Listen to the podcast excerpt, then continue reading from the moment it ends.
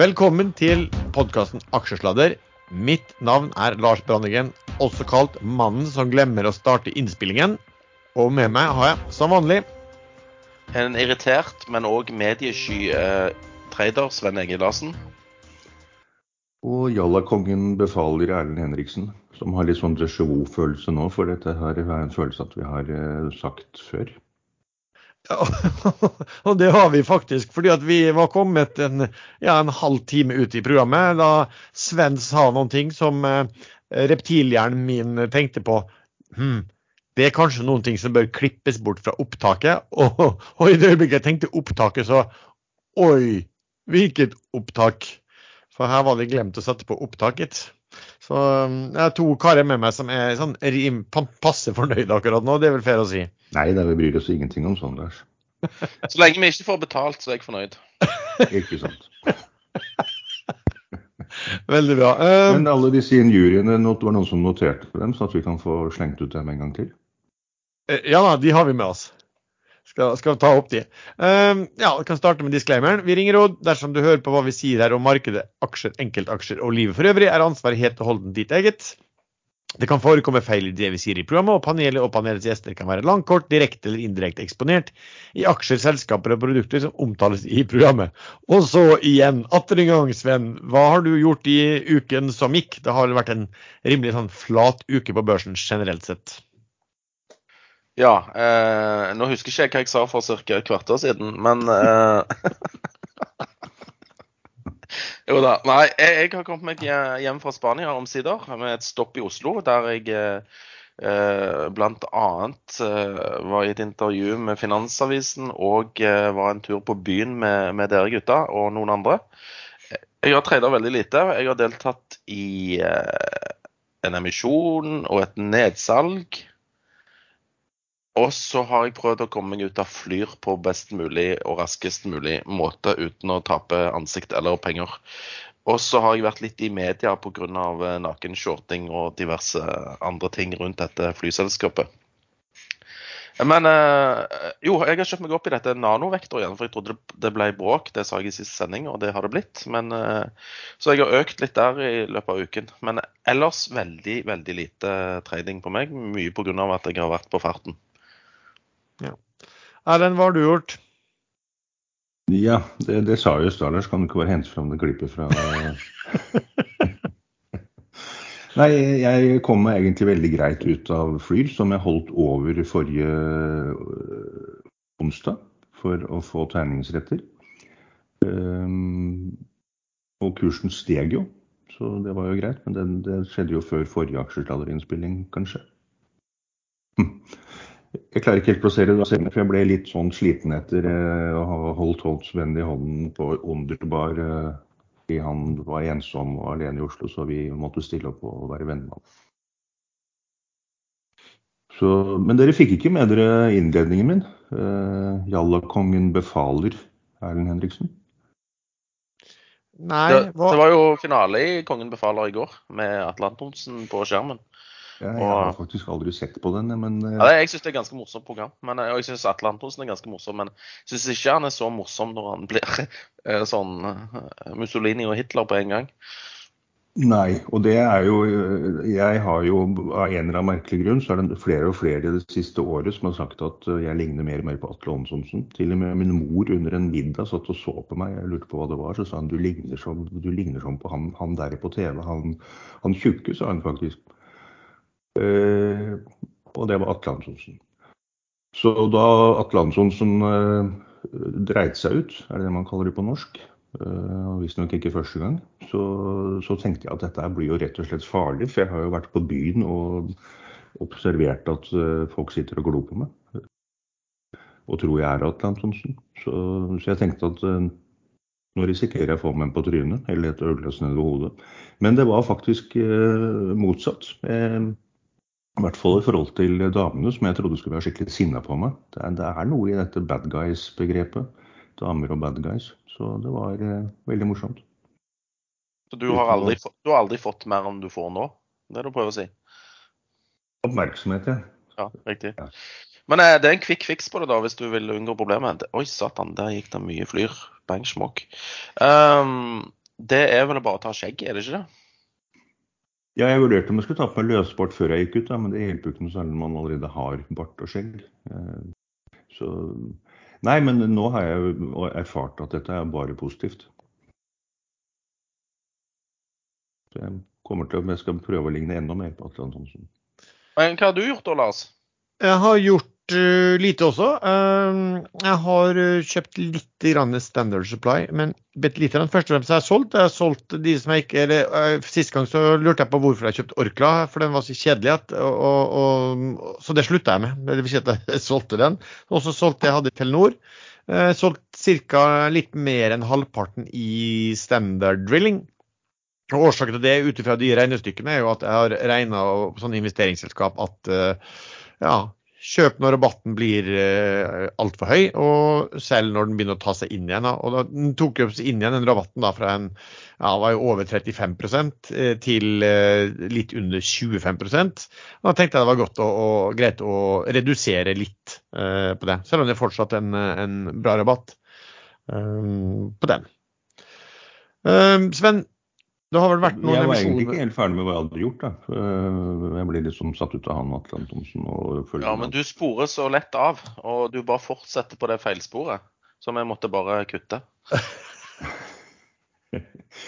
Jeg har også tredet litt i Freyr, den amerikanske aksjen. Eh, Faktisk med gevinst denne gangen. Det, de, de pushes i alle kanaler, dette norske batteriselskapet Freyr. Eh, De ligger på, de kom inn på en topp ti-liste over aksjer som anbefales, og det var sammen med de helt store. Så de var på plass nummer ti, men det, det er noe som skjer rundt den aksjen som kanskje vi i Norge ikke helt forstår. Eh, Om det blir butikk og penger å tjene på å lage batterier på sikt, det er det ingen som vet, men etterspørselen vil jo i hvert fall bli veldig bra. Men jeg er ikke inne i den akkurat nå. Kanskje jeg kjøper litt i ettersendingen, som US Close. Når US åpner. Eh, Og så har jeg tatt en liten post i Doff. Eh, Først på litt for høy kurs for to dager siden, og så var jeg litt uoppmerksom, og så ramla den rett ned, så da ble jeg sittende med de. Og så kjøpte jeg og solgte litt mer i går. Eh, Men der, det kan jeg forklare etterpå hvorfor jeg tør å ta i den aksjen. Ja. men da, Sven, da kan vi ta den vanlige vi har med emisjoner og nedsalg i løpet av uken som gikk. Ja, jeg skulle egentlig si noe morsomt, men nå glemte jeg det ut igjen. Jeg tror det var med var, Ja, men jeg, kanskje jeg kommer på det litt senere. Jo da, det har vært emisjoner og nedsalg. Eh, jeg får begynne med denne her um, komplett. Ikke Komplett Bank, men de som selger elektronikk og, og eh, IT-utstyr og sånne ting. De henter penger 1475, 1 milliard kroner. Uh, Hagen, Sten Erik Hagen og Siba uh, tok mye av den. Uh, lav tildeling, men han treda opp en krone. Jeg var ikke med fordi jeg skulle på byen med dere og, og prioriterte det fremfor å tjene penger. Og det var jo dumt gjort av meg, da. Men når sant skal sies, så var det jo hyggelig å, å, å snakke litt med dere òg, face to face. Eh, Det så var det veldig hyggelig sagt av deg, Sven. Jo, nei, men det mente jeg faktisk. Det var ikke ironisk ment i det hele tatt. Faktisk. Ja, dere tror jeg bare tuller og hater dere og alt dette her, men eh, nei, jeg er faktisk litt glad i dere Ja. til tider. Og nå nærmer det seg jul òg, og da skal du jo være eh. Da Og... blir eh, Snillegil. Altså, jeg- merker meg at du, du sier fine ting om oss, nevner jul og at man bør være gavmild. Ja, her har vi sittet og her, Jeg føler jeg egentlig jobber overtid nå, fordi at eh, jeg jobber dobbelt i hvert fall. Eh, og har ikke tatt ut lønn i hele perioden og, og sånne ting. Så en oppmerksomhet hadde vel kanskje vært på sin plass. Men eh, det er jo opp til sjefen, da. Du tror på julenissen? Ja, Erlend tror ligner du- litt på julenissen òg, men eh, jeg, skulle Jeg ligner på de fleste, jeg visstnok. Men eh, tror du Lars klarer å matche det helt rå julebordet han sponset på Aksjesladder-podkastgjengen i fjor? Uh, ja, det tror jeg han klarer å matche helt, helt fint. I fjor fikk vi beskjed om å ta oss en akevitt eh, og en bit med juleribbe hjemme, hver for oss. ja. Jeg har ingen store forhåpninger. Men eh, jo, hvor var vi? Vi var midt i denne emisjonsbolken. Uh, Idex uh, kom med en emisjon, henta 150 mill. til en krone. Uh, jeg vet ikke hvor kursen er nå. eh, og Erlend kan jo fortelle litt om Idex. Etter, etter jeg har nevnt den siste, som var et nedsalg i Okeanis Ecotankers på 177. Eh, jeg fikk 1200 aksjer. Eh, det var Hvor mye blir det, da? Det blir vel rundt sånn 18-19-20% tildeling. Eh, jeg solgte de for tidlig på 180, eh, som var nok til å finansiere den kvelden på byen med dere. Så ja. Idex må du fortelle om, Allen. Eh, Den hadde jo gått, gått kraftig i forkant, forsto jeg. Ja, så jeg kan gjenta det som jeg sa i stad, da Lars glemte å sette på opptak. Den var helt nede under 0,70, eh, altså i kroner 0,70 eh, kroner. Eh, så sent som i oktober. Og så begynte den å stige jevnt og trutt. Og det har sånn erfaringsmessig vært et lite, liten sånn rød varsellampe at da kommer det før eller siden en emisjon. Så jeg holdt meg litt på utsiden av den og tenkte jeg avventer emisjonen. Men det var jo dumt da når den emisjonen settes på én krone på 150 millioner kroner sånn cirka og blir fulltegnet. Og kursen settes uten rabatt, eller i hvert fall veldig liten rabatt. Så nå ligger kursen på akkurat så vidt over én krone, så den holder seg bra. Og da kommer det vel plutselig en dump der, og de kommer vel kanskje til å melde noen nye volumordre som de plutselig har begynt å gjøre. Og indirekte så har de klart å spesifisere hvem som er kunden nå. Så de har fått en såkalt volumordre med en bank i Emiratene, som skal være den største i Midtøsten. Men hva det egentlig betyr, det aner jeg ikke. Jeg har ikke peiling på hvor mange kortkunder disse har, og hvor mye Idex eventuelt tjener på disse sensorene sine. Eh, Men når man ser på kursen i svenske Fingerprint, som egentlig er det store, seriøse selskapet, så, så er det ikke store marginer lenger i den bransjen. Der har kursen falt fra 30-40 kroner ned til under 4 kroner. De toppet ut på over, 30, over 35 kroner i mai i 2021. Så har det bare gått rett nedover. Skrått nedover etter det. Apropos Sverige. Jeg var med i en emisjon i Sverige òg. Eh, eller nedsalg i et selskap som heter Sint, som driver på med noe sånn software for markedsundersøkelser eller et eller annet sånt tull og tøys.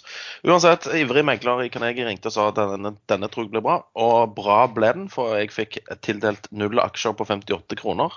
Og da ble jeg som tikkeren ganske sint.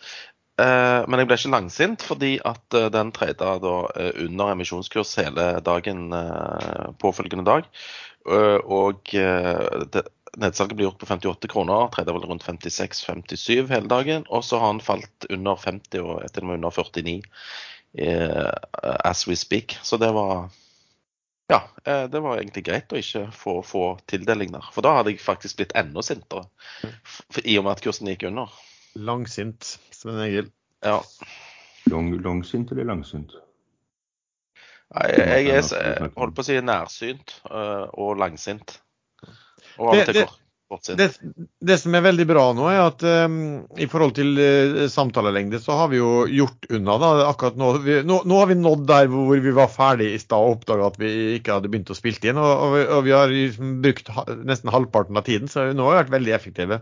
Ja, ap- Apropos det, vi må snakke litt om den Underbar-greia. Og, og på den Underbar så uh, dukket jo opp det, de, to av de, de tre andre i Market Experts. Uh, og han ene der, uh, Tom heter han, eh, han hører på podkast, altså aksjesladder. Han, eh, eller begge to gjør det, da. Men Tom hører på i 1,3 ganger hastighet. Så han syntes det var veldig rart å høre oss snakke i normal hastighet. Så han ble litt sånn satt ut på det, sa han. Trodde vi, Jeg- trodde, han, syntes det gikk, veldig tregt. vi var veldig dop, dopa hele gjengen. Ja. Ja. Men vi hadde mørkere stemmer, da.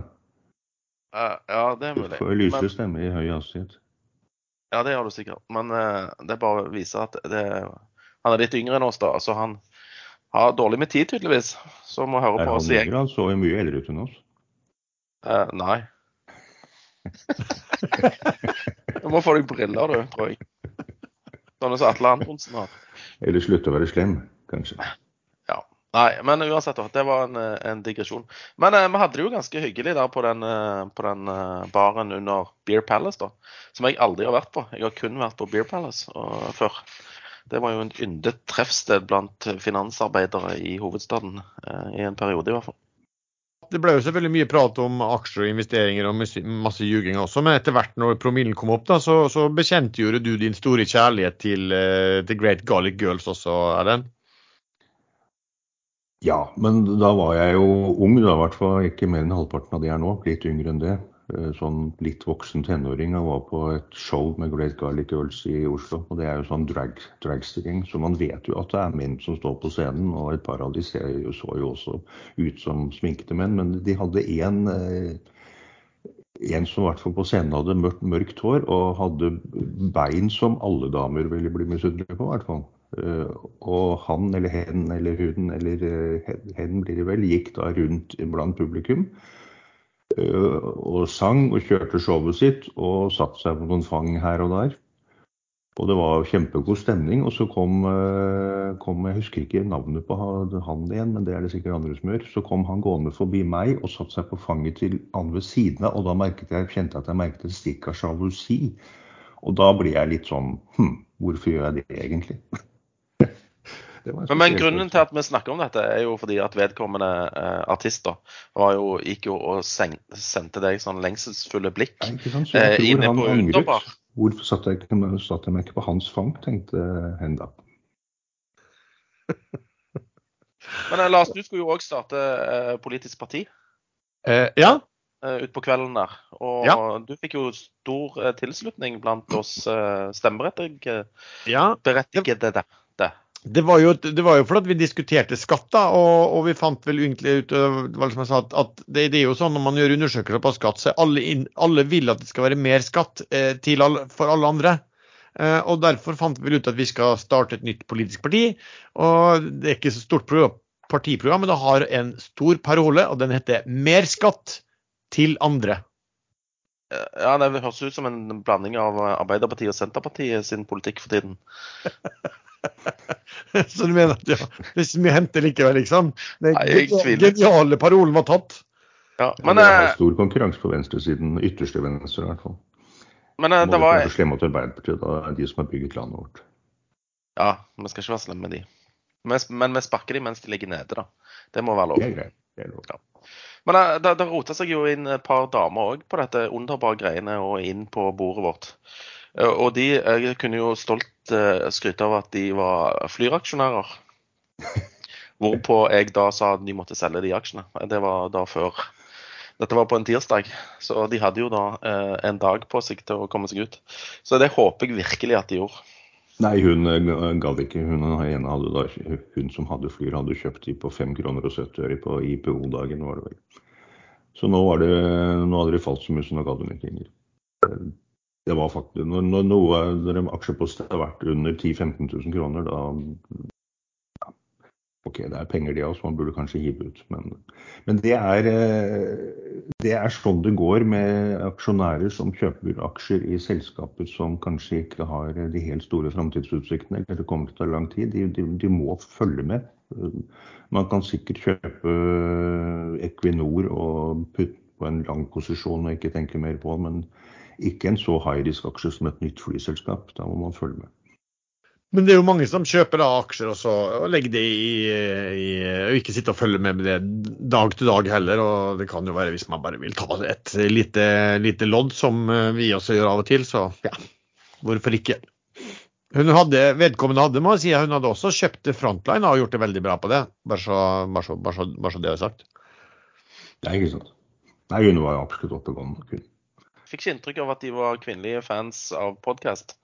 De var mer sånn Er dere på TikTok? Nei, men de skulle begynne å høre på aksjesladder, begge to. Ja, De var det, ja. Ja, det var vel, at, det, det var vel mer, mer mar markedsføringsråd at hvorfor markedsfører dere ikke dere eh, podkasten på TikTok? Ja. Hvorfor gjør vi ikke det, Lars? Nei, eh, det er vel fordi at vi avventer fortsatt på det, eh, det der du står dansende rundt og synger og forteller at folk må se på podkasten Aksjesladder. Da legger vi ut den videosnutten der med en gang. Men det kan du gjøre mellom disse bombene og granatene på Solastranda. Eh, OK. Eh, men eh, ja, forresten. Det, dere var jækla slemme med meg i forrige episode, eh, når jeg satt i telefonen og måtte ta den telefonsamtalen. Jo, men du er så dum å gå fram til telefonen Så det, det kommer aldri til å skje igjen. Så, men jeg, jeg ser gjerne frem til at en av dere må ta en viktig telefon i sendingen. Erlend, Erlend for- vel mente at det var min tur nå snart, snart å ta, ta, ta meg en liten pause. Min fordel er jo selvfølgelig at jeg kan klippe.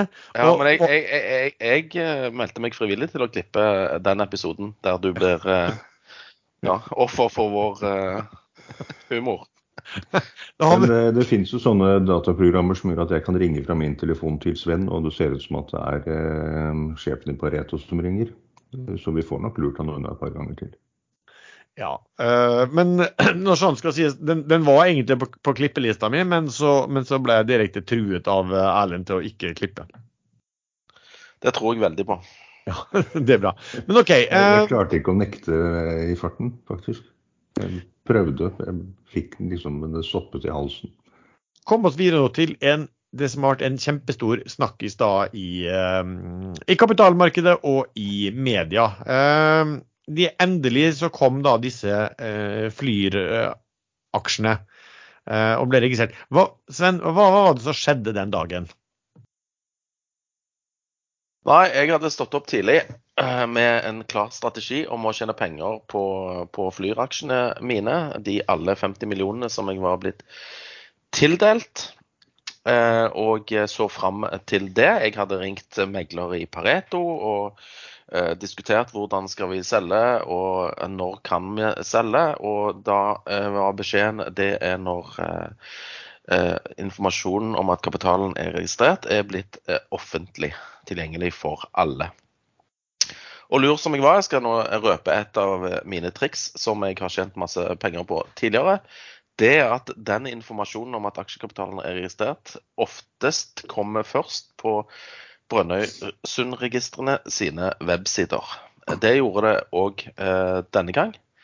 Eh, men det som, og det skjedde klokken ti blank. Eh, børsmeldingen kom ett minutt senere. 10.01.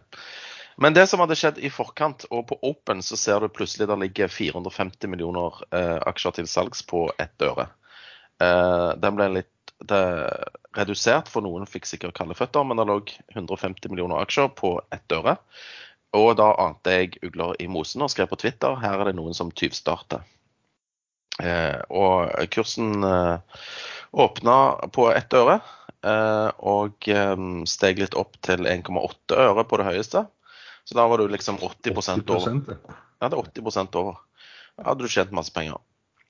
Og eh, du ser at vo- volumet som kommer inn, er kjempehøyt.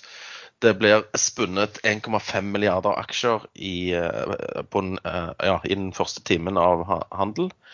Det er utstedt 633 millioner aksjer i Flyr. De nye aksjene er ikke ennå utstedt, eller bekrefta utstedt. Det kommer ikke før klokken ti blank. Men noen har solgt, og eh, dette må være nakenshorting. Altså, du selger aksjer som eh, du ikke har enten fått lånt inn eller eier sjøl. Ja. Og det torpederte jo den planen min, da. Og jeg satt jo og trykka refresh, refresh på, på breg.no. Eh, og eh, hadde tenkt å gjøre det ganske lenge den dagen. Eh, men så plutselig da klokken ti så trykker jeg refresh, og så står det eh, kapital og vedtektsdato og hele pakken. Og da er det bare å gjøre klar eh, ordren. Jeg hadde fått eh, eh, megler til å legge opp eh, 50 millioner aksjer.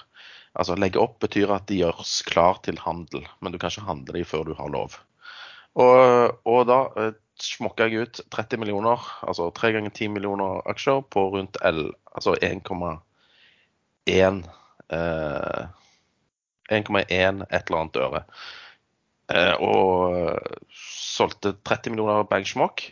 Tenkte jeg skulle sitte med 20 millioner, men meldingen kom jo, et, altså, kom jo rett etterpå, og da gikk han rett i dass.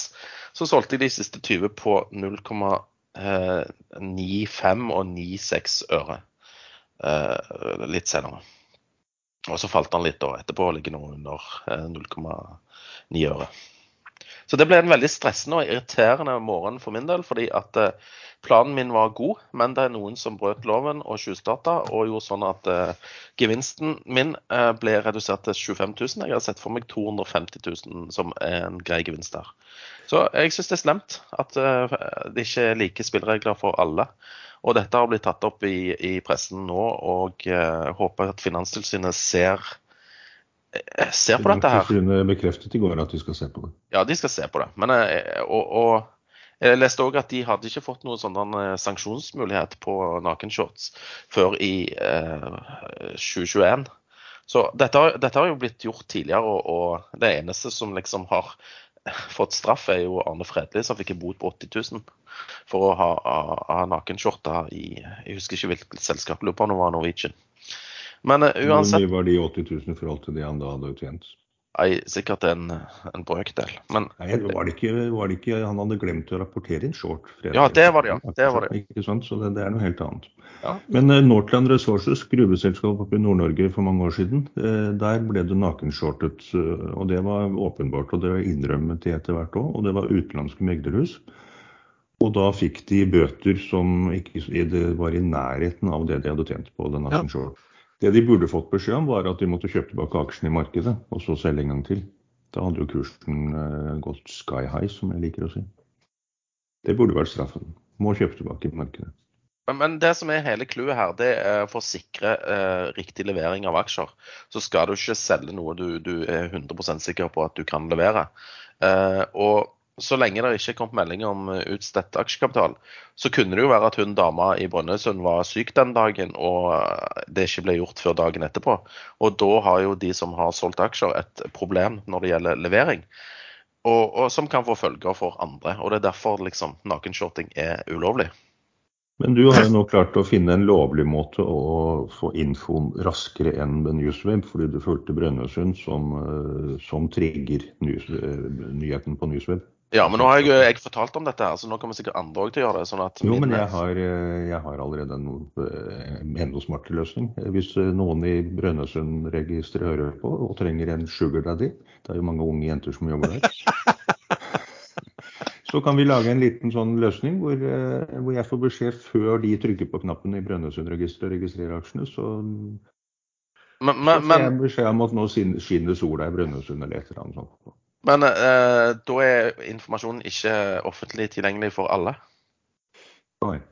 Du mener at det er ulovlig, det da? Ja, det, det hørtes litt på kanten ut, ja. Men eh, altså, jeg må jo berømme deg, da. Det smerter jo meg å berømme deg, eh, Sven, som du vet. Eh, men det var jævlig smart, syns jeg. Og det å sitte og, og, og klikke på, på Brønnøysund-sidene for å se dette her, det var det, og ha gjort det på forhånd. Jeg var jo også inne i Flyr. Eller hva? Jeg er inne i Flyr. Um, jeg satt jo og holdt på med helt andre ting. Oi, så så jeg plutselig sitter og skriver der nyhetsbrev og alt der, og så plutselig så hadde det både kommet eh, melding, og kursen var nede på under 90 øre.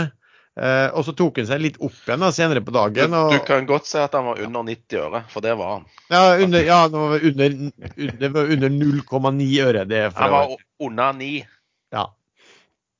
Ikke sant. Under 0,9 øre. Og så gikk den et stykke og begynte faktisk å nærme seg én igjen. Og så fant jeg ut oi, kanskje, kanskje man får litt sånn at det ikke er så mange som skal selge, og så sitter man stille, og så dumper man ned igjen. Så, så min din plan for å si sånn, den var, var veldig god. Den ble ødelagt av noen. Eh, min plan virker å ha vært litt sånn ikke-eksisterende, basert på håp, eh, og ikke gjort meg klar til å, å lempe det ut også. Men det er derfor jeg tøff og fæl kunne si at jeg kommer til å være den første ut døren. Uh, og hadde det alt blitt gjort på lovlig vis her, så tror jeg faktisk jeg hadde vært den første ut døren.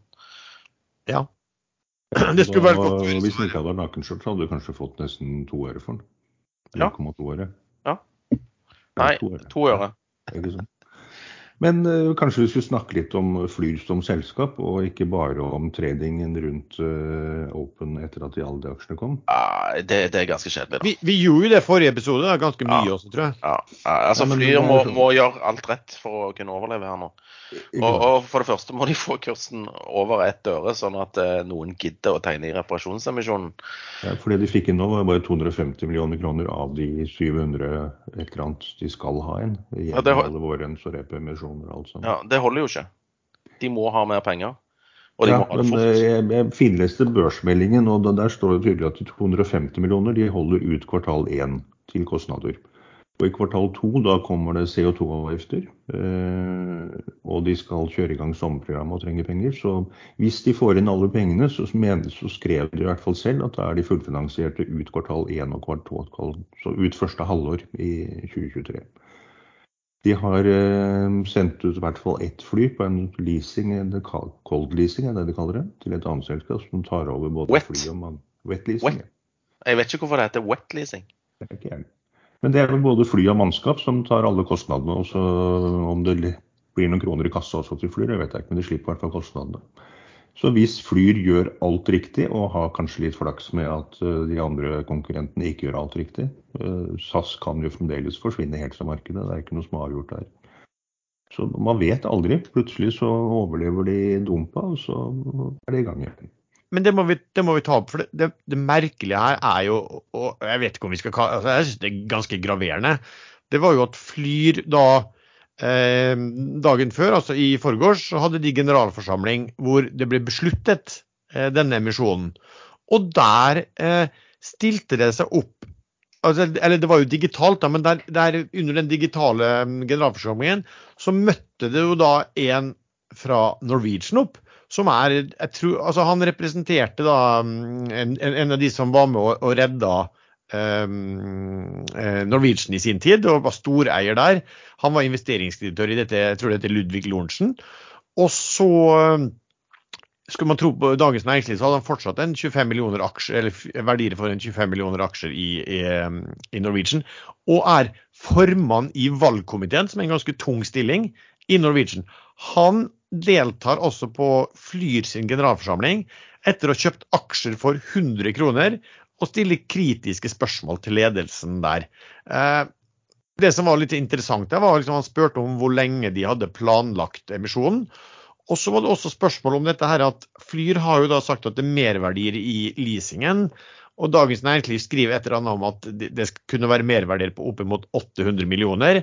Og det han i Norwegian da som dukket opp, altså opp som aksjonær, eh, ville vite hva om de hadde prøvd å, å, å gjøre noe med de avtalene og, og skaffet verdier for, uh, til aksjonærene på det. Altså, egentlig tenkte jeg, spør han vel egentlig om de har de prøvd å selge ut dette til Norwegian eller til, til andre aktører. Da. Hva, hva, hva, tenker dere når vi hører at Nei, han, har, han, har, gjort dette før. Han har jo gått ut uh, tungt mot Norwegian før, og da mener jeg at vi uh, tok Flyr, mener du? Mot, Flyr? Ja, Flyr, ja. ja. Uh, og når man da sitter i vakte posisjoner i et konkurrerende flyselskap, så skal man være veldig forsiktig med å gå i detaljer og kritisere konkurrentene i pressen. Jeg syns godt vi kan nevne navnet hans. Han heter Folldal. hele navnet har jeg ikke jeg syns det er en rett og slett harry oppførsel å sitte, i, sitte, sentralt i en konkurrent og så dukke opp på en generalforsamling i, hos konkurrenten og gjøre det han kan for å rive ned tilliten til selskapet. Det, det er ikke sånn man oppfører seg i norsk næringsliv.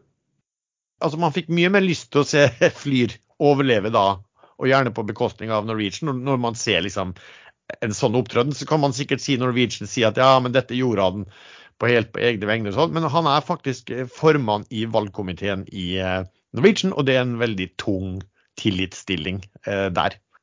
Jeg bare les, skumleste den saken og forsto egentlig ikke hele opplegget der. Så nei. Men nå når dere forteller hvordan det egentlig var, så, så ja, jeg syns det var dårlig gjort. Ja. Men, men, det som var interessant, var, synes jeg også, var jo at han tok opp at om det var hans tall eller annet, ble i hvert fall tatt opp og nevnt verdier på 800 millioner i merverdier i disse eh, leasingavtalene. Altså de hadde inngått leasingavtale når det var vel covid, og man mente at man fikk dem veldig billig, og nå var prisene på de steget mye. Men jeg vet ikke helt hvilket svar han fikk eh, fra det. Han hadde liksom vært litt sånn påståelig og skulle hatt spørsmålene sine og svarene protokollert og litt sånt der, så det, det virka helt, ja. Men hvis det stemmer, da, så har jo faktisk Flyr verdier for over ett øre per aksje og burde klare å hente inn eh, penger i repemisjon og i Warrens framover, hvis de klarer å synliggjøre verdiene. Så, så, han kan jo ha ris til egen bak, er det det man kaller det? Ja, jeg tror jeg bare regna på det. for, vi husker vi har jo snakket om at det var, at det var negativ egenkapital i, i Flyr. Og, og, hvis det tallet stemte, da, og, og hvis man da regner opp en, en nav på det på det, det tidspunktet man beslutta emisjonen, så, så ville jo prisen altså på det gamle antall aksjer vært, vært over ti øre eller et eller annet sånt. Så, så ja, ikke vet jeg hva, hva, hva han forsøkte å, å, få til. Ja, ja. Jeg er ikke Flyr nå. Eh, jeg har en sånn eh, tommelfingerregel om at alt som faller under en krone skal til 50 øre. Og det gjelder selvfølgelig alt som faller under ett øre skal til 0,5 øre. Så jeg avventer litt og ser om det slår til.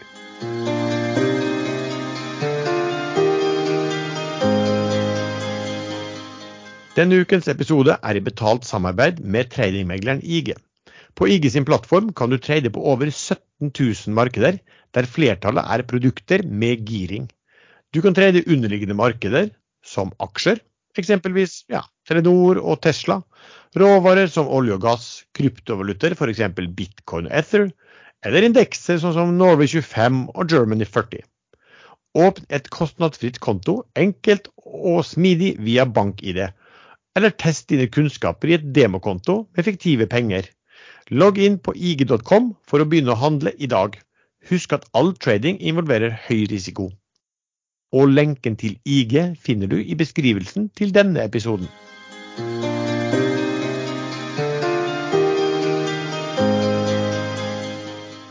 Eh, Sven, eh, du nevnte jo du hadde kjøpt eh, nanovektor. Hva, hvilket, hvilket, bråk er det som kom, har kommet der nå? Jeg, jeg, eh, snakket jo om denne i forrige sending og sa jo at uh, disse uh, North Energy, som er nest største aksjonær, de hadde sendt en melding om at de ikke syntes det var noe kult å, å fusjonere med et annet biotekselskap, fordi historien viste at det ikke hadde vært særlig profitabelt, og at de heller ville se på andre muligheter som fikk ut verdiene i, i selskapet. Uh, og så plutselig kom det en mel uh, melding i går uh, om at en sånn aksjonærgruppe hadde flagga Hvor mye hadde de flagga? Var det over fem, eller var det over ti prosent? Over ti, tror jeg. Ja, skal vi se her. Flagging Nordic Nano. Det er da aksjonærgruppen Nordic Nano Nanovektor, AG Nanovektor, stiftet 9.11.22 har eh, en oppslutning på 14 eh, millioner aksjer, tilsvarende 12,14 av totalt utstående aksjer. De jobber eh, for De har et felles mål om aktivt eierskap for å synliggjøre og forvalte aksjonærverdiene på best mulig måte. Så de har jo et uh, nobelt uh, En nobel idé om å få opp aksjekursen her, tipper jeg på en eller annen måte. Så jeg bare tenker her blir det litt bråk, og hvis de slår seg sammen med North, uh, som jeg ikke tror er med i denne gruppen, så kan kanskje den foreslåtte fusjonen uh, stemmes imot og ikke gå gjennom. så jeg tipper kanskje at noen har lyst til å kjøpe seg opp for å kunne blokkere. Mm. Eller, eller, eller vedta. Ja. Spørsmålet um, Ja, men, men, du har jo ikke noen sterke interessenter. Du har jo bare masse um, ulike mindre aktører. altså North var vel nest størst med 8% og så hadde Folketrygdfondet 10% som sikkert ikke eh, bryr seg særlig om, om, om, om, hva som skjer om de går sammen med et unotert biotek eller ikke. Så, så, det kan nok være store muligheter for at det blir stemt ned. Spørsmålet er jo bare hva, hva da? fordi at de kom jo med en update, eh, Nordic Nanovektor, når de, når de eh, meldte om dette forslaget om å gå sammen med det der ATIF, eller hva det heter. Eh, og da skrev de jo at de Før hadde de skrevet vel at de kom til å ha ca. 100 millioner kroner igjen i kassa når de var ferdig med dette der, paradigmeprosjektet og alt det her, men nå meldte de at de kom til å ha ca. 70 millioner igjen minus eventuelt kostnader knyttet til all denne prosessen da, som de hadde igangsatt nå. Så det er klart, det er jo en del Det er jo da kanskje bare 70 millioner cash mindre enn det igjen ved utgangen av Q1.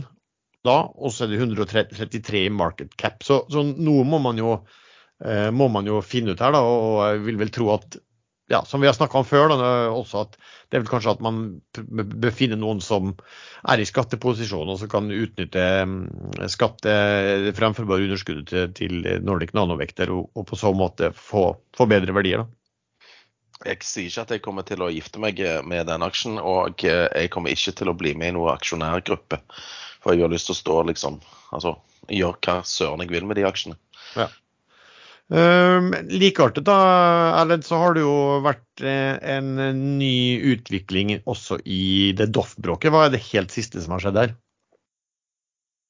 Jo, der eh, stemte faktisk eh, denne opprørsgruppen ned forslaget som ville gitt aksjonærene 4% Og da gikk det, går det automatisk i neste runde, hvor, hvor et nytt forslag er en løsning som gir aksjonærene 1% Så opprørsgruppen de er ganske påståelige og gir seg ikke, og tror at de på en eller annen måte skal klare å få hentet fram verdier som de mener ligger skjult i selskapet, ved å skrive opp verdiene f.eks.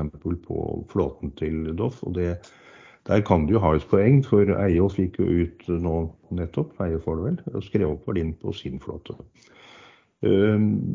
Men rentene har jo også gått kraftig opp i samme tid, så gjelden har jo sånn sett økt. Og dollarkursen har eh, gått kraftig opp, så, så, som, som, er det som har medført at gjelden har økt i norske kroner. Eh, men den er dyrere å betjene. Eh, men obligasjonseierne de hadde da et nytt møte rett før den generalforsamlingen, for da skjønte vel Doff at de kommer til å tape den avstemningen. Så de fikk bekreftet fra fra obligasjonseierne at de har en standstill og en reform, reform et eller annet avtale. Reformment, hva heter det for noe? Forbearance heter det. Som ikke jeg aner hva betyr. Eh, men i hvert fall at den gjelder til 30. Eh, og i dag har vi 18. november. Eh, og det står veldig tydelig i det aksjonærbrevet som da ble vedlagt den siste meldingen fra Doff om at de går videre med sin prosess, og at dette kommer til å ende sannsynligvis en sånn chapter 11-løsning i norsk rettssak, at, uh, at den standstill agreementen gjelder fremdeles, så lenge Doff ikke bryter vilkårene. Uh, og det regner jeg med vil bli brutt hvis aksjonærgruppen nå får gjennomført det de ønsker. De har bedt selskapet innkalle til en generalforsamling for å bytte styre i selskapet. Så her skal en aksjonærgruppe som egentlig ikke er hands on, eh, få inn et nytt styre. Eh, men visstnok så er det ganske dyktige folk de prøver å få inn der. Men hvis det styret velger å gjøre noe som bryter med avtalen med obligasjonseierne, da er det kroken på døra, tror jeg. Da vil eh, obligasjonseierne tiltre pantene sine, og opphører å eksistere som et børsnotert selskap. Alle aksjonærene mister alt. Ja, ikke bare obligasjonseierne, men det, det, har jo bankene sagt også. Det er jo de som ja, har den største delen av gjelden. Så det gjelder eh, de som har eh, de som skylder penger, de kommer til å slå selskapet konkurs. Men eh, jeg, jeg, hørte fra en obligasjonsmegler i går at eh, obligasjonene i Doff eh, Subsea, for det er ingen obligasjoner i Doff, de vil komme bedre ut av det hvis eh, Doff slås konkurs. Fordi at all gjeld ligger jo egentlig i Doff-sub. Eh, så de har bare vært greie og tatt med Doff for å liksom ha dette som en going concern, og har måttet gi litt slack da, for, for å få med Doff. Så det stemmer nok alltid, men i hvert fall her har da advokatkontoret Wiersholm Rein, heter det vel, eh, bekreftet i en børsmelding at avtalen gjelder. Helt til Doff eventuelt bryter vilkårene. Og det har de ikke gjort ennå. Eh, og det mener jeg det kan de heller ikke gjøre før etter eventuelt den generalforsamlingen. Eh, så da kommer jo denne vakuumteorien min inn i bildet igjen, da, hvor det er eh, dagens antall aksjer i Doff som tredes på framtidige nyheter. Fins nesten ikke en eneste intelligent aksjonær igjen i Doff. Bortsett fra kanskje Ojada, de store, som sannsynligvis velger å bare sitte på de småpostene de har, for de får så mye mange flere Nå, nå, nå tror jeg du blander Ojada er jo ja, eh, ja. båten i Flyr. Nei, det er Møgster som Ja. har 100 millioner aksjer i Doff, og han selger nok ikke. Det, Men han, han er jo litt over 30% så han, han må vel nesten sitte her for å, for å få stemt dette her gjennom. Jeg vil regne med at han har gjort en avtale med kreditorene på. ikke sant? Det er sannsynligvis. Så, så der er det ikke noe salgspress i det hele tatt. Eh, Kursen ramla til 50 øre etter generalforsamlingen hvor det ble nedstemt. stemt. Eh, Teknisk verdi på aksjene i forhold til Nav på fremtidig eh, antall aksjer og selskap og hva de driver med, burde vært Det var faktisk rundt, rundt 60 øre. Teknisk verdi på de aksjene som var. Og der ble kursen tredet med litt topper og bunner. Eh, Så nå burde den egentlig falt til 15 øre, men det gjorde den ikke. Den falt til 50 øre, og så gikk den opp til over en krone igjen. Så at denne vakuumteorien eh, stemmer gang på gang, det, det er det ikke noe tvil om. Men det er storleken. Eh, Sitter man over sluttdato, eller eventuelt over den datoen hvor gjeldshaverne slår selskapet konkurs, så taper man alt. Altså det, det er jo sannsynligvis det, det, det man ikke helt vet uten å se helt avtalen, er jo om det finnes smutthull. F.eks. hvis, sånn som Sven sier, at hvis det er sånn at de som sitter i Doff Subsea, som er et eget eh, eh, selskap, eh, og det er vel det som er altså, stort sett borti, basert borti eh, Brasil, som har mye der. Hvis det er sånn at eh, obligasjonseierne der mener at de kommer bedre ut, så er det jo litt interessant å vite om, om det faktisk finnes en teoretisk mulighet for at de sier at vet du hva, dette her orker vi ikke for å holde konsernet sammen. Eh, nå, nå tiltrer vi heller, eh, eller de som måtte ha pant da, i Doff Subsea tiltrer heller det, og så sier vi at OK, det, da er den biten ut av uh, selskapet. Så, så må man Det, bare det, det er bankene som har panten, da. Altså, det er ikke Nei, de er usikre. De er usikre, de. Men uansett, jeg kan ikke se hvordan noen av dem skal klare å slå selskapet konkurs nå før det er Doff Subsea som var involvert i, i den møtet de hadde, hvor alle, alle tre forskjellige Doff Subsea-lån aksepterte eh, standstill ut til 30.11. Ut 30.11. Nei, etter all sannsynlighet har du riktig. at De er jo ganske klare i hva de skriver. så Det vil være, for eksempel, det vil være overraskende hvis de av en eller annen grunn ikke vil gi selskapet tiden til å få besluttet det som de har avtalt skal besluttet i en generalforsamling. Ikke sant? Um. Så, så kan man jo si det når det gjelder alt det med, med Doff, at ja, man- så ser man jo at eh, andre supply-selskaper nå, både um, Eidesvik Offshore og Solstad Offshore, skrev opp eh, verdiene sine eh, litt. Grann. Eh, men men altså, selv om du begynner å skrive opp verdiene på eh, flåten din, så betyr jo ikke det at du eh, kan betale renter og lån uansett. De har jo faktisk forfalt. I det øyeblikket man ikke gjør den avtalen så er altså alt, hele gjelden på rundt 20 milliarder er forfalt med øyeblikkelig virkning. Eh, og Det er litt av problemet. Og så- må man faktisk si det at nå har jo da mm, selskapet holdt på i to-tre år og, og surra med disse her og skulle prøve å finne en eller annen restrukturering. Og I den tiden så har den renta som har løpt faktisk vært veldig lavt for et selskap som har hatt negativ egenkapital. De burde jo egentlig hatt 10-15 eh, rente, burde, burde jo bankene hatt eh, i, i en sånn situasjon, mens de hadde svært lav. og Det, det er jo det som gjør også at ikke underbalansen er, er større. da. Men altså, eh, så, så, så det jeg vet ikke om det ser håpløst ut for, for, eh, for de som for de eh, opprørerne, hvis, hvis de tror at, at verdiene er større. Men da må man nok begynne å selge skip ut, eller fartøy ut, som dokumenterer at det er verdier som kan brukes til å betale å betale långiverne. Da. Men hvem det skulle være, det er de jo litt usikre på hvem, hvem som kan, kan ta um, kan ta, kan ta fartøy av, av, av, de, av de, den type beløp. De, de største, er jo, de fleste er jo ellers er jo rimelig belånte sjøl.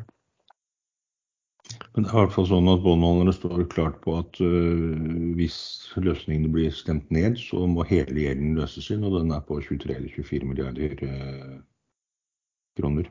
Ja, ja, Det som står i den avtalen, er jo rett og slett at enten nå så beslutter man den eh, restruktureringen, og hvis ikke det, så er det neste blir å åpne konkurs. Det er jo det de har sagt. Men jeg, jeg, jeg liker ikke sånne opprørsgrupper. For det, det virker som de snakker med hjertet og ikke med hjernen, liksom. Det virker absolutt sånn her. Men så ser jeg flere og flere kommenterer at de som står bak den opprørsgruppen, faktisk er uh, rasjonelle og virker oppegående. Så... Uh, på meg så virker det ikke sånt. Nei, men her er det noen som har snakket med dem og hatt samtaler uh, som egentlig var imot det de drev med, men som nå har snudd litt og sier at de, har noen gode poenger. Så at De krever generalforsamling, og de har jo ikke kommet med noe forslag til styret ennå. De har kommet med én um, et forslag som skal være, styre, eh, som skal være styreleder, og, det, og, så skulle de komme tilbake til andre steder. Altså, jeg, jeg ville vært veldig redd um, selv for å ha tatt på meg en styreplass i et sånt selskap som, um, som ville sagt at vi, vi, kommer ikke til å foreslå til generalforsamlingen at man skal uh, restrukturere der. og og som heller ikke uh, vil slå selskapet konkurs. da. For du har jo et personlig ansvar, ikke sant. Hvis, du, hvis det anses å drive for kreditors eh, regning, så ja, vil jo et personlig eh, økonomisk ansvar løpe, da, hvis det er helt åpenbart at du, du, ikke gjør de tingene man skal gjøre. Men tror de ærlig talt at uh, Doff uh, kan slippe en restrukturering? De påstår det. Ja, Hvordan da? Det jeg tror, Sven, er at de vil prøve å få selskapet til å skrive opp verdiene av flåten så mye som tilsier at det faktisk er en del verdier til um, aksjonærene allerede. Uh, og kanskje bruke det da i en uh, mer forhandling på hvor mye skal den enkelte ha. Jo, men uh, det er jo forfalte lån her som må betales med renter som ikke heller er blitt betalt. Altså, Det at du skriver opp en verdi, det betyr ikke at du får kontanter. Det, det, er jo bare tall i et regnskap. Ja, det er helt riktig. ikke sant? Da må du begynne å, i så fall, For å gjøre det om til tall, så må jo de, det begynne å bli, bli solgt da, ut av aktører. Ja du, ja, du må jo faktisk selge og få inn cash. Ja. Og betale ned på gjeld. Nå kom akkurat uh, tre, kvartal tre-presentasjonen fra SOF, Solstad Offshore, så da kan man jo se om de har tapt eller tjent. Ja, re regnskapsrapporten kom i går. De viser jo solid framgang, det må man si. Altså, det, det, gjør jo alle disse um, supply-selskapene. Jeg satt og hørte på en call i forbindelse med en emisjon som da Nei, det var faktisk i, um, i en podkast som han var på, han sjefen for Standard Supply, og fortalte at uh, når det var da sånne PSV-båter, plattformforsyningsskip, uh, som de var på jakt etter å kunne kjøpe mer, så så sa han at det er egentlig de og en eh, jeg tror han sa det var tre-fire andre aktører som i hele tatt, og det var finansielle, som i hele tatt kunne kjøpe dette her. fordi at de store aktørene, de, de, altså Solstad og dette her, de var så belånte sjøl at de har ikke penger til å, til å gjøre noen ting. Så, så klart at et så stort selskap som Doff, hvem som skulle kunne kjøpe mye av flåten her, det er jo ikke så godt å si det, da. Det måtte jo kanskje vært noe sånn Tidewater eller noe sånt, som er, som er, solide, selvfølgelig. Men de vil jo også se at dette er et selskap som er i trøbbel. Altså, du vet, når du skal kjøpe en asset og vet at de, de som skal selge, må selge pga. bankproblemer, så byr du ikke akkurat markedspris på det. Du har satt opp et uh, punkt, uh, Sven, som heter tørr lottotrekning. Hva skjedde?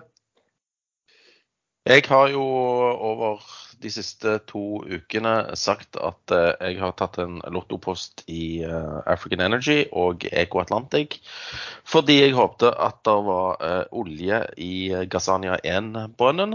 Uh, meldingen kom i dag at det var det altså ikke. Det var tørt tull. og det som skjer da, det er at aksjer som Eco Atlantic faller over 50% og AEC faller 30% pluss, og jeg taper halvparten av lotto lottopengene mine. Som er egentlig fair and square. Hadde de funnet olje eh, på, på de estimatene de hadde før boring, så hadde jeg tjent en del penger.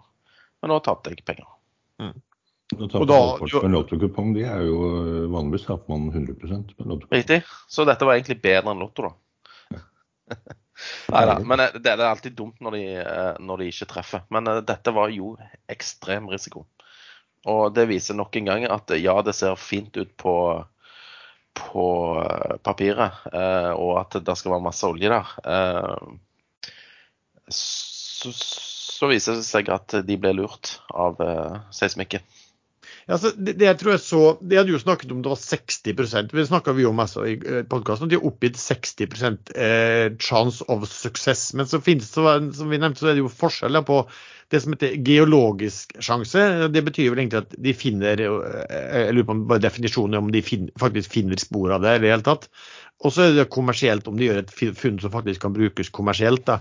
Så så vel det sto at de hadde funnet spor av gass nedover i hele i hele mm, altså den, den rangen hvor de, som de var på jakt etter.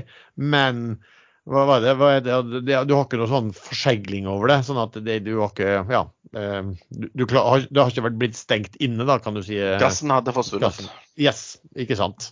Som, som, gjør at man kanskje man ser at det finnes gass i området der, og håper kanskje at det finnes et annet sted på blokken et eller annet sted med, med forsegling. Men ja, det er som da vi var små og satt i badekaret, øh, broren min og jeg, og hadde rumpet litt i, i underbuksa under vann og slapp den ut plutselig. Så det er, da, da løser vi opp forseglingen. Og det er derfor det ikke var noe olje og gass og alt dette her i det hullet.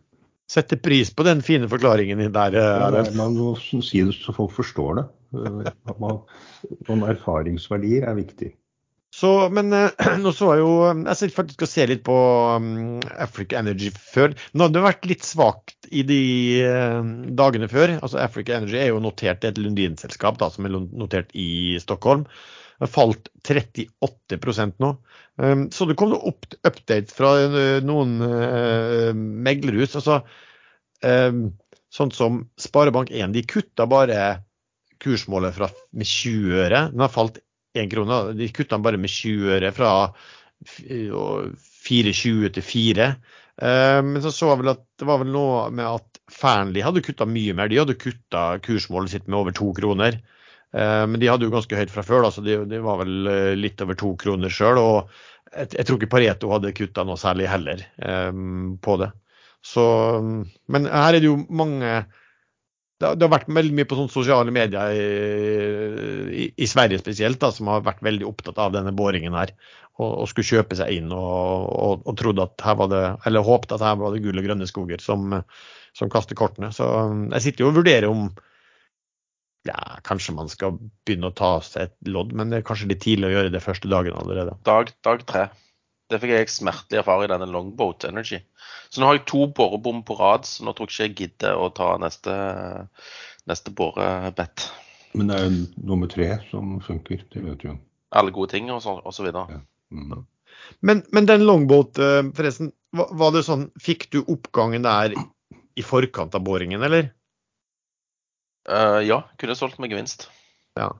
For det, var... det, det, altså, nå har jeg kjørt to sånne lottogreier på lottotrekninger, og det har gått galt. Men strategien som er, da, som er, den riktige, det er da å kjøpe i forkant av boring og selge på oppgangen som kommer på forventning om, om kommersielt funn. Mm. Eh, det er det rette å gjøre, og det er sånn jeg egentlig pleier å operere. Men nå har jeg liksom eh, Ja, jeg vet ikke om jeg har kjeda meg eller hva jeg har gjort. Men eh, det er tullete trading. Så, så, du er jo pokerspiller. Du vet jo da at uh, i hvert fall på kasino, hvis man setter på svart og taper alt, så må man sette en gang til på svart og doble. Taper man alt da, så må man doble enda en gang. og Da, ja. man, uh, da får man alltid tilbake pengene man har satset, pluss uh, den opprinnelige innsatsen. Den såkalte martingale-teorien. Ja. Da må du bare fortsette å gjøre det samme når du setter disse lottokupongene dine. Doble innsatsen hver gang. Ja, det kommer ikke til å skje var det så at den Eco Atlantic den handles bare i Canada, var det så? Handles i UK og i tillegg. Så jeg har ikke sjekka den. Jeg har sjekket den tidligere, den var nede 53% Skal vi se nå. London Den er fortsatt nede 53 ja. ja. For den betydde det vel relativt uh, mer enn for, enn for Afrika? Jo, men, men det, der sa òg meglerhuset at det ja, kanskje 13 cent i verdi, og han er ned 23. Eller sånn eh, pence, mener jeg. Ja. Så han, dette fallet er dobbelt så mye som analytikerne sier han skal falle. Folk ble skuffa. Altså, ja. Jeg ble òg litt skuffa, men jeg ble ikke sånn Ja vel, eh, dette kunne skje. Og det var jeg fullstendig klar over.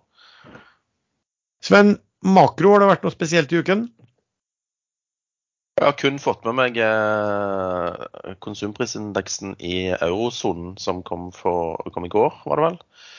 Eh, eller var det i forgår? Ja, det var i går. Kom inn på 10,6 eh, eh, prisvekst mot venta 10,7, altså bitte litt lavere, men fortsatt skyhøyt. Mm. Jeg har ikke fått med meg noe mer.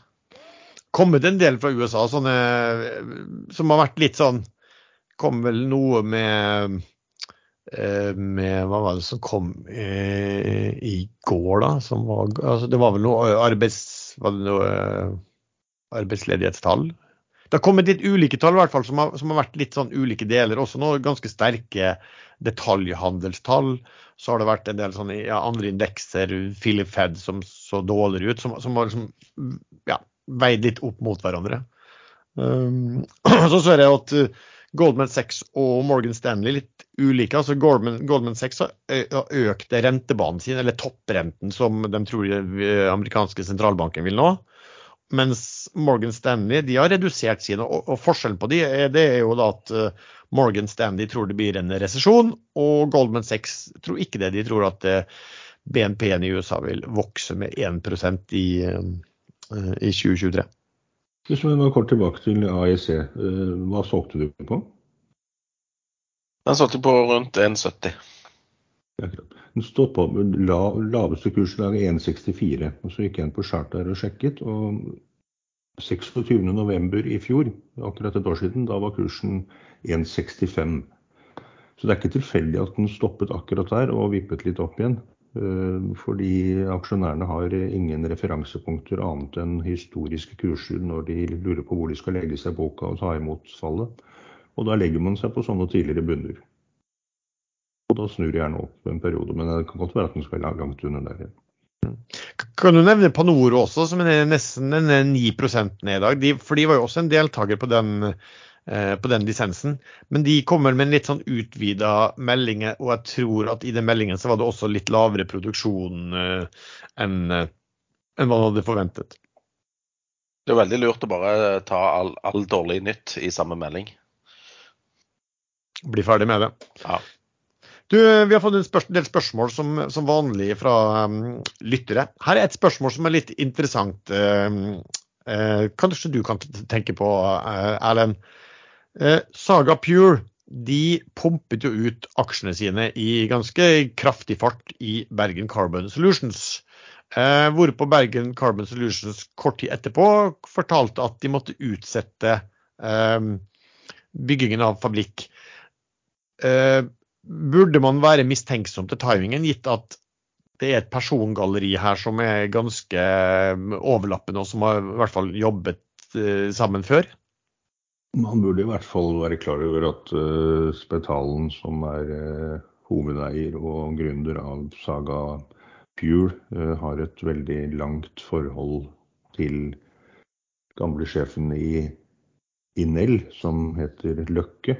Som nå vel er sjefen i styreformann, er han det han er?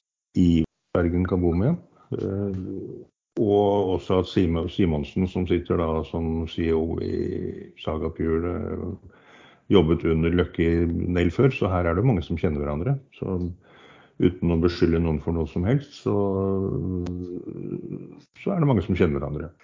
Men jeg kjenner jo til flere av disse her. og de er, I mitt hode så er de redelige mennesker. Men man sitter veldig tett på som storaksjonær og med de kontaktene. Så man kan få mye informasjon uten at det er innsideinformasjon, og velge å selge på det. Sven, spørsmål til deg her. Nå som du er å se på samtlige avisforsider annenhver dag, har du tenkt å bli med på neste sesong av Kjendisfarmen? Uh, nei, det har jeg faktisk ikke tenkt på i det hele tatt. Jeg kommer ikke til å uh, delta i noen reality-program. Du kunne jo spilt et sånt dyr på en farv, kunne du? Hva faen spørsmål var det? det hadde jo, nå vet Jeg nå, jeg ville jo snudd meg bort, men det er sikkert mange som syns det hadde vært interessant å se deg med litt sånn sengekos under dyna på et mørkt rom på Farmen sammen med en av disse eh, Hva heter hun den? Hun Sofie Louise, f.eks.? Hun har vært der, så da måtte det bli en annen. Shabana Rehman, kanskje. Du og Shabana. Jeg tror hun, hun. Jeg tror hun også. Men jeg, nå, nå virker du veldig oppdatert på Kjendisfarmen. Er det du som har stilt spørsmålet? Nei, faktisk ikke. Jeg, Nei, Farmen kjendis. Farmen kjendis heter det, ikke Kjendisfarmen. Kanskje vi starter et nytt konsept som heter Kjendisfarmen. Ferdig Farmen. Um, noen som har fått med seg hva som uh, foregår i, i Twitter? eh, Spørsmål på. Sven, du bruker jo Twitter av og til. Leste Leser du hva som holdt på å skje nå, eller som kan skje? Nei, det, det er indre uro, og øh, folk slutter en masse i, i selskapet. Og folk er redd for at bærebjelkene i, i tek teknologien skal liksom bryte sammen og hele Twitter bare kollapse. Det håper jeg jo ikke skjer. da. Jeg har fått masse nye følgere de siste ukene. Så det hadde jo vært trist. Både for Twitter og for meg. Ja, Twitter har jo aldri hatt så mange brukere registrert, registrert bruk, i hvert fall, som akkurat nå. Så det er eh, aldri kan. Ja, altså Jeg tipper at han uh, Musk egentlig vet hva han gjør, uh, men skaper litt bruduljer og kanskje blir kvitt folk han ikke liker. Ja. Ikke? Men Men er, du sa at det er mange som slutter, men det er jo flere som har blitt sluttet, som har fått sparken, enn de som slutter frivillig. Ja. Ja, men nå tror jeg han sa opp halvparten, men så skulle det var noen ting at resterende skulle skrive under på et sånt dokument, som Twitter 2.0 og sånn, og det var visst veldig stor del av de som var teknologisk svært viktige for hele infrastrukturen, som eh, fant ut at det var ikke de interessert i. Så mm, vi, vi får, altså det blir jo alltid, ting blir jo alltid litt overdramatisert, men det er jo de, de som har spekulert liksom at hele, hele siten kan, kan kollapse i løpet av et, et, et par dagers tid. I går var det en som la ut en sånn TikTok-video fra en dame som jobbet i Twitter. Hun hadde blitt ansatt rett før eh, Musk overtok, og hun sendte da en video fra hvor hun går inn eh, i Twitters lokaler, og det er kaffebarer, og det er eh, veldig gode lunsjbarer, og det er treningsrom, og det er yogarom og mediteringsrom. Og så hele alt hun vektla på sin eh, TikTok-video om hvor fantastisk det var å jobbe i Twitter, det var alt man kunne gjøre som ikke hadde noe som helst med jobben å gjøre. Var ikke det Facebook hun, hun jobbet i, da? Nei, det, jeg trodde det var Twitter, jeg. Men ja, ja. Uansett, det har jo vært veldig mye sånn i mange av disse tekstselskapene, hvor folk har gått ut i media og skrytt av at de jobber bare fire dager i uken. Så, så det er nok rom for eh, stor opprydning, kostnadskontroll, i sånne Ja. selskap. Ja, og det er jo forskjell når du har brukt alle pengene dine sjøl. Ja, han har vel fått med noen med seg, da, men brukt 44 milliarder dollar på å overta dette, her, og så går det i underskudd. Så eh, han, han, Musk hadde da vel i, ja, for ikke så mange timer siden, så hadde han posta på Twitter How do you make a small fortune in social media? Start with a, out with a large one. Det er vel det samme man har for eksempel satt i, i flyselskap, det. Direkte rip-off fra sånn flyselskapinvestering. Ok, Er det noe annet dere vil snakke om, eller skal vi komme oss eh, over på ukens favoritter? Det er jo bare litt... Kryptobørsen, FTX. Bare sånn kjapt, for der kom det Der har noen revisorer eh, nå gått gjennom De har vel fått en ny CEO som har gått gjennom eh, regnskapet til, eh, til han gründeren, han som tapte 15 milliarder dollar over natten. Det er ren skam. Det har vært skam fra dag én. De har knapt hatt et eneste styremøte i, noen, i hovedselskapet eller datterselskapene. De ante ikke hvor mange som var ansatt. De ansatte kunne sende sånn chat-løsning, Sende inn eh, hva de skulle ha utbetalt av eh, refusjon for eh, reiser og mat osv.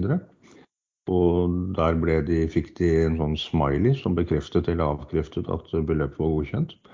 Og ledelsen har kjøpt eiendommer på Bahamas eh, for selskapets penger eh, og registrerte sine egne navn. Og listen er lang. Det er, sånn, det er- fullstendig galskap. Og her har da store aktører som Softbank og, og Tiger Fonds osv.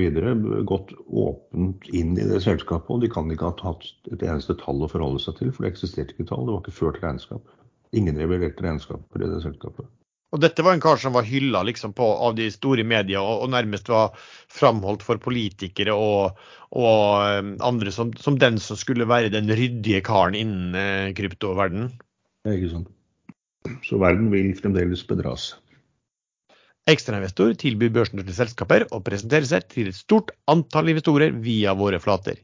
I uken som gikk hadde Gram Car Carriers en presentasjon og Q&A, og i uken som kommer vil Akobo Minerals avholde sin Q3-presentasjon på torsdag klokken 10.00. Du kan se både Gram Car Carriers opptak og Akobo live på incuret.com. Du finner lenken til Incuret i beskrivelsen til denne episoden. Skal vi ta ukens favoritter? Sven, hva, hva har du kommet med?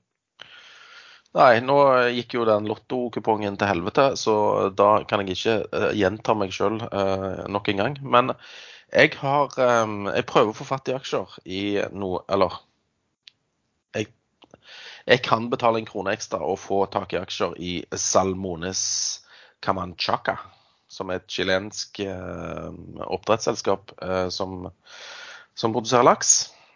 Eh, de er da ikke eh, under denne grunnrentebeskatningen i Norge. Men eh, de leverte Q3-tall, og de var mye bedre enn venta. De fikk høyere margin. Disse tjente greit med penger i sånn 2018-2019, og så har de hatt noen tøffe år der det ikke har har skjedd noe særlig. Og, og litt med, med driften. Men Q3 viste veldig oppmuntrende tall og virker lavt priser.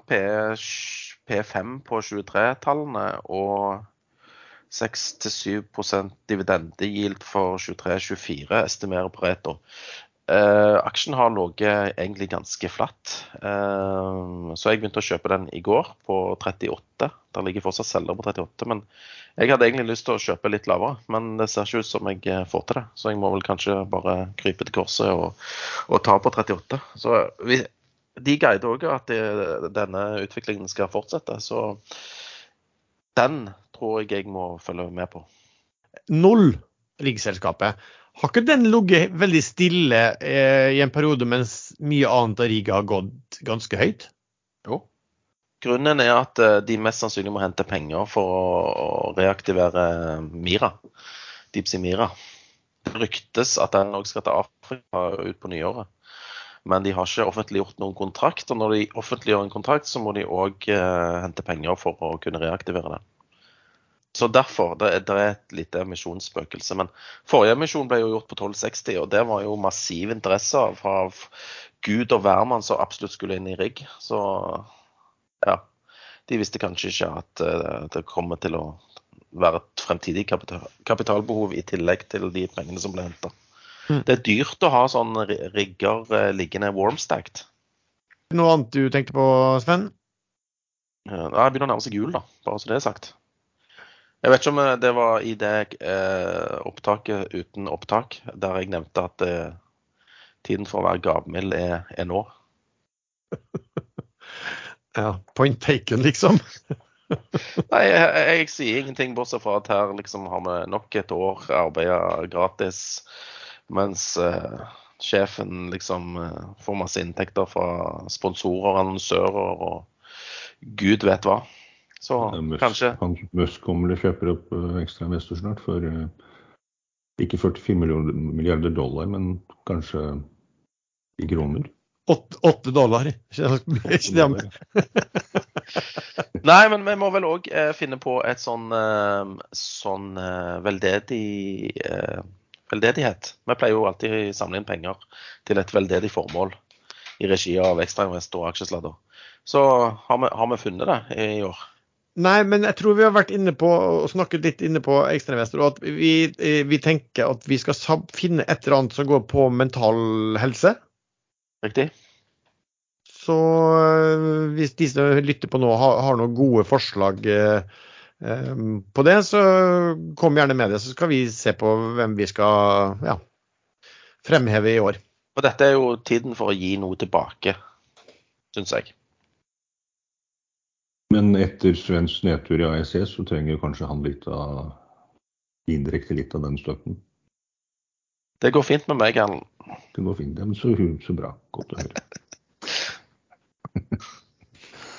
ja, nei, men det er et veldig godt formål. Ja, Ellers så kommer det forresten et sånn portrettintervju med meg i Finansavisen i morgen. Der jeg forteller om ditt og datt. Ja. Du skal, jeg vet at du skal fortelle om inntak av substanser og sånn også, tror jeg. Substanser? Ja, det var noe reklame for det intervjuet på uh, i, oh, ja, med, medis medisineringen, ja. ja. ja.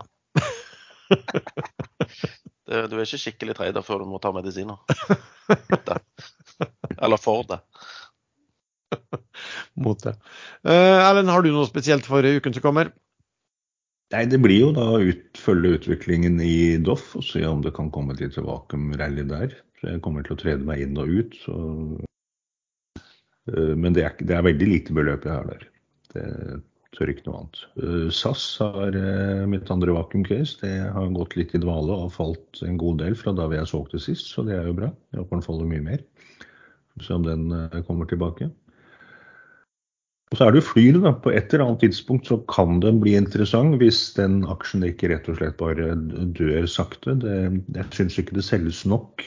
Det er det er 25 milliarder aksjer som ble utstedt. Man kan vel kanskje anta at uh, av de ikke skal selges. 15 milliarder igjen. Og det er mindre enn det har vært omsatt de siste par dagene. Og når det er uh, det var kanskje omsatt 10 milliarder første dagen, men halvparten av det er vel stort sett rullering. At uh, den selges opp og selges ned og kjøpes opp igjen, og det går, samme aksjen rullerer. Så jeg tror det kan ta litt tid før den går opp. Og det begynner vel etter hvert å tynnes ut i rekken av villige kjøpere òg. For det er mange som har kjøpt på kjøpt både over ett øre. Eh, etter at den steg opp til 1,85 øre.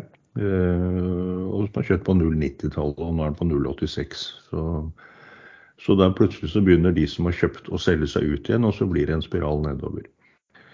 Men 050-tallet, eh, da har den eh, oppfylt mitt krav om at alt som faller under eh, et, et helt tall, skal halveres. Da tror jeg det kan bli interessant. Og hvis ikke Flyr klarer å få opp kursen med noen gode meldinger, eller det kommer noen større aktører og begynner å spise den aksjen, så, så er Flyr konkurs allerede i kvartal 1 2023. Vi må ha de pengene fra rep-emisjoner og warrants.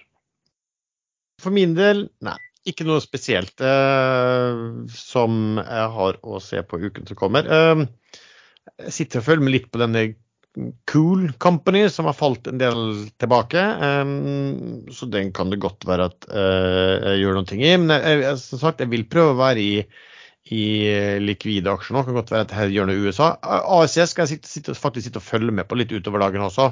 Og prøve å, å, å, å regne litt og prøve å forstå litt bedre hvordan de ligger an med de andre assetene um, sine der. Så sitter jeg jo med mine flyr, og det, det er, der er det eh, kun egentlig bare håp og ikke analyse. Og håp er en elendig strategi. Så det kan godt være at jeg finner ut i løpet av dagen at jeg bare vil eh, lempe ut. Men uh, og, og, det som Erlend sier, at du, du må nesten få noe fra selskapet eh, noen nyheter fra selskapet som drar det opp. En nyhet som du kan få opp selvfølgelig på tirsdag, så det er nok en del som vil se på den. For på tirsdag så vil man se eh, oppdatert eh, aksjonærliste, vil jeg mene. Eh, og da vil man se hvem de nye eierne er. Og Det har jo vært ganske mye spekulasjoner om uh, hvem det kan være. Uh, og da kanskje det blir også litt lettere å Eh, få en forståelse hvor mange av disse som eh, er flippere, altså, eller som, som, er kortsiktige selgere, eh, kontra ikke. Men i den grad liksom Sven fikk sitt blåøye i, i på Bårelotto, så er jo Flylotto mitt lille blåøye den, den uken her også. Og, så, og sånne ting liksom litt sånne lotto det, Ofte blir det bare, altså hvis du er i minus på det, blir det ender du opp med å bare bli en sånn irritasjonspost, og så, og så pælmer du det ut, og så er du bare ferdig med det. Så vi får vel se. Det er lenge siden vi har hatt sånne, sånne språkhjørner eh, og ord og uttrykk. Ja. Vi, vi, kom faktisk på et eller annet, Sven, under, un, på Underbar som vi skulle ta opp. Men jeg, nå husker jeg ikke hva det var lenger. Det ble vel, forsvant vel i, i promille. Det var eh, Erlends lefling med dragart, eh, eks-dragartister som skulle belyses. Ja, men jeg tror vi hadde en sånn språk, et eller annet språktull også, men Ja, det er mulig. Ja, det har jeg glemt. Jeg har glemt ut det. Eller fortrengt det. Ja, Men da tror jeg vi takker for denne episoden. Vi fikk som sagt en halvtimes eh, ekstra som ikke blir innspilt. Som vi får, eh, så, og den var fantastisk bra. Men det, det Lost Tapes. ja, og det var vår, beste halve time ever, selvfølgelig. Men, men, takker så mye til deg som har lyttet på denne episoden. Du finner stadig oss tre chattene inne på Ekstrainvestor. Vi har også en gruppe på Facebook som heter podkasten Aksjesladder. Musikken er som vanlig laget av sjazz.com. Og obs, eh, i etterkant av denne her, det jeg snakker nå, så skal vi faktisk legge ut hele den melodien for en gangs skyld. Og vi høres.